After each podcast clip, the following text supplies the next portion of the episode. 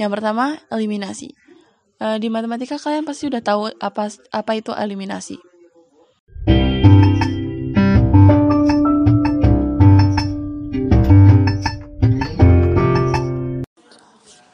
Assalamualaikum warahmatullahi wabarakatuh.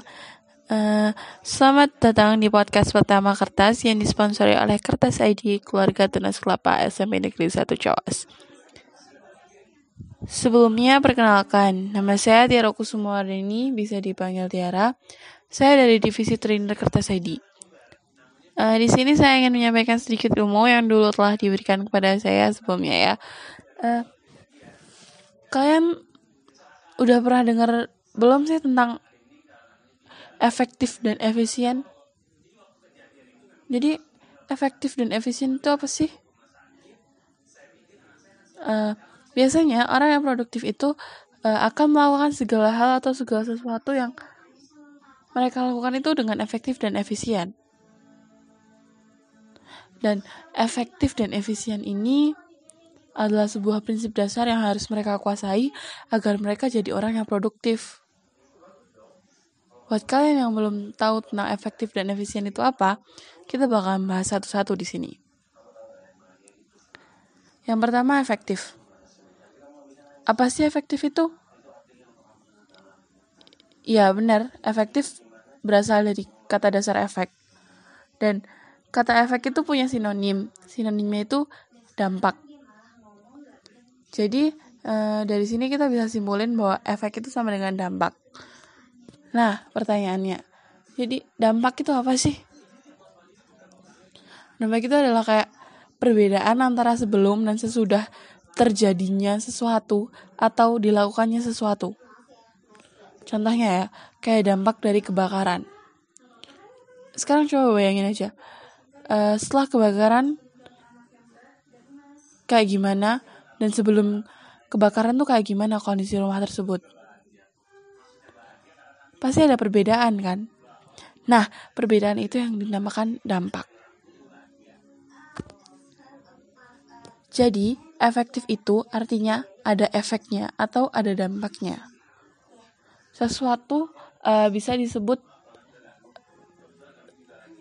berdampak atau ada efeknya ketika ada perbedaan antara sebelum dan sesudahnya. Begitu juga kayak sebaliknya, kalau uh, kalau nggak ada dampaknya, kalau nggak ada bedanya sama sekali itu berarti nggak efektif dong. Sampai sini paham ya? Uh, contoh yang lain lah. Misal latihan. Latihan itu disebut efektif kalau ada bedanya antara sebelum dan sesudahnya. Kalau nggak ada bedanya berarti nggak efektif kan?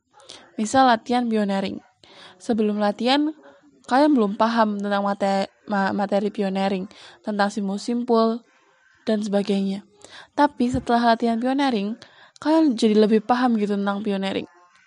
Uh, maupun uh, di materi-materi yang lain kayak PBB, Semapur, Morse, kayak gitu. Jadi uh, harus ada perbedaannya. Satu lagi contoh, misal kalau lagi briefing atau rapat, sebelum rapat pasti kalian belum belum punya konsep atau nggak tahu konsep kan? Nah, pasti kalau kalian udah rapat, kalian pasti bakal nemuin suatu konsep atau kayak sebuah ide atau gagasan gitu ya. Tapi kalau kalian udah udah rapat, udah kayak gini kayak gitu, tapi nggak nentuin konsep, berarti kalian nggak efektif. Uh, mungkin itu tentang efektif. Uh, silahkan dinilai kegiatan kalian ada ada perbedaannya nggak sih sebelum dilakukan sesuatu dan sesudah dilakukannya sesuatu? Efektifkah kegiatan kalian sampai saat ini? Kalian yang kalian yang bisa nentuin. Yang kedua, efisien. Uh, apa sih efisien itu? Nah, efisien itu adalah sesuatu segala sesuatu yang kita lakukan uh, atau semua hasil yang kita ingin capai pasti membutuhkan effort atau pengorbanan. Pengorbanan ini bisa apa aja? Bisa waktu, uh, pikiran, tenaga, uang, kuota, wawasan, atau semuanya lah. Kalau kalian punya tujuan, pasti kalian bahkan e, ngelakuin apa pun untuk nyapai untuk mencapai tujuan tersebut kan. Nah, setelah pengorbanan semua kalian lakukan, maka kita akan dapat result atau hasil. Nah, perbandingan antara pengorbanan dan hasil itu yang disebut dengan efisien. Kalau hasil yang didapat e, gimana ya? E, kalau misalnya hasil lebih besar daripada pengorbanan, berarti kalian sangat efisien. Tapi kalau pengorbanan yang kalian lakukan itu lebih besar daripada hasil yang kalian dapat, berarti kalian nggak efisien.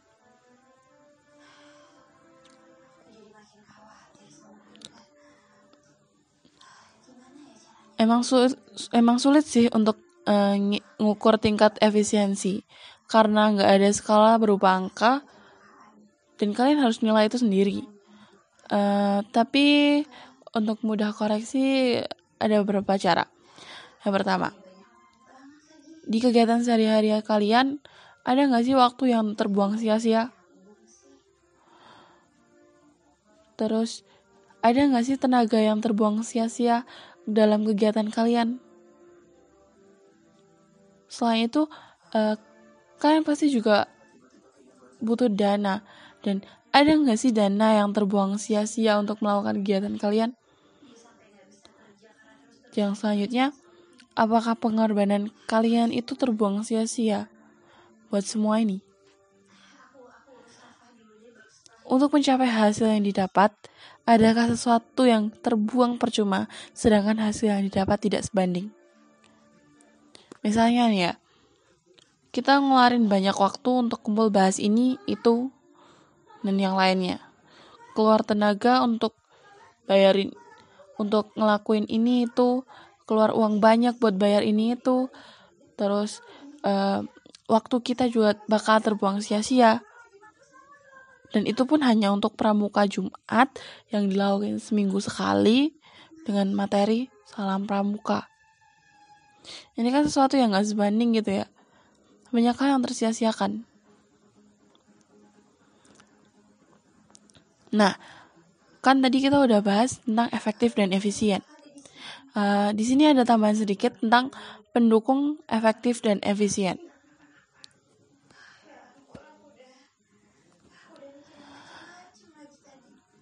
Efektivitas dan efisiensi kinerja seseorang ada pendukungnya. Ini beberapa faktor yang dapat meningkatkan efektivitas dan efisiensi seseorang. Yang pertama, eliminasi uh, di matematika kalian pasti udah tahu apa apa itu eliminasi.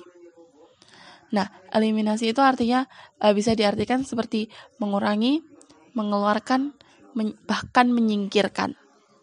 Maksudnya kita bisa aja nyingkirin hal-hal yang nggak berguna atau yang menghambat fokus kita terhadap tujuan kita. Ingat, efisien tadi harus sebanding kan. Nah, untuk mencapai tujuan tadi, kita nggak mau kan tenaga kita ter terbuang sia-sia hanya karena ada penghambat maka kita harus uh, hilangkan penghambat penghambat itu agar kita fokus ke tujuan kita lagi bahkan kayak harus dihilangin gitu loh. Contohnya ya kalau kalian lagi lagi ada di rapat ya kalian bikin forum sendiri di situ. Kayak kalian bahkan uh, ngomong sendiri sama teman ngobrol sendiri gojek sana sini. Jadi kayak ada forum di dalam forum. Itu harus dieliminasi itu harus dikurangi dan harus dihilangkan.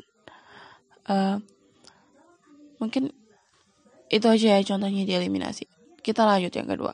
Yang kedua itu ada delegasi. Artinya pembagian tugas. Pasti kalian juga udah paham kan tentang ini. Jadi uh, kalau kalian bisa membagi tugas itu dengan baik maka pekerjaan yang semulanya berat buat kalian bahkan terasa enteng banget. Misalnya, tadi uh, jika kalian pengen bikin kayak menara pandang, kalau yang bikin menara pandang itu cuma satu orang, itu pasti uh, bakal kerasa susah banget kan, bakal kerasa berat banget kan? Tapi kalau misal teman-temannya ada yang bantuin kamu bikin simpul ini di situ kamu bikin simpul ini di situ. Nah pasti pekerjaannya tuh bakalan lebih uh, efektif dan efisien lagi. Yang ketiga ada otomasi atau oto otomatisasi. Agak susah ya nyebutnya Maksudnya dengan mencari alat atau ide-ide kreatif untuk memudahkan melaksanakan tugas secara otomatis. Nggak harus nggak harus uh, tugas kalian tuh nggak harus dilakukan secara manual terus. Kalian bisa aja bisa aja kan ngajar pramuka pakai uh, PowerPoint, pakai video. Uh, terus kalian mungkin kalian juga bisa bikin aplikasi buat apa kayak kayak apa ya namanya tuh? Uh, fingerprint buat absen.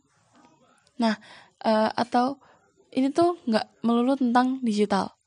Kalian bisa gunain uh, yang lain. Misalnya untuk tugas absensi pin untuk tugas absensi pinro yang absensi terus nanti pinro laporan ke kalian. Itu bakal lebih efisien lagi. Uh, sekian yang bisa saya sampaikan kepada kalian uh, kalau ada salah kata dan banyak orangnya mohon maaf ya. Assalamualaikum warahmatullahi wabarakatuh.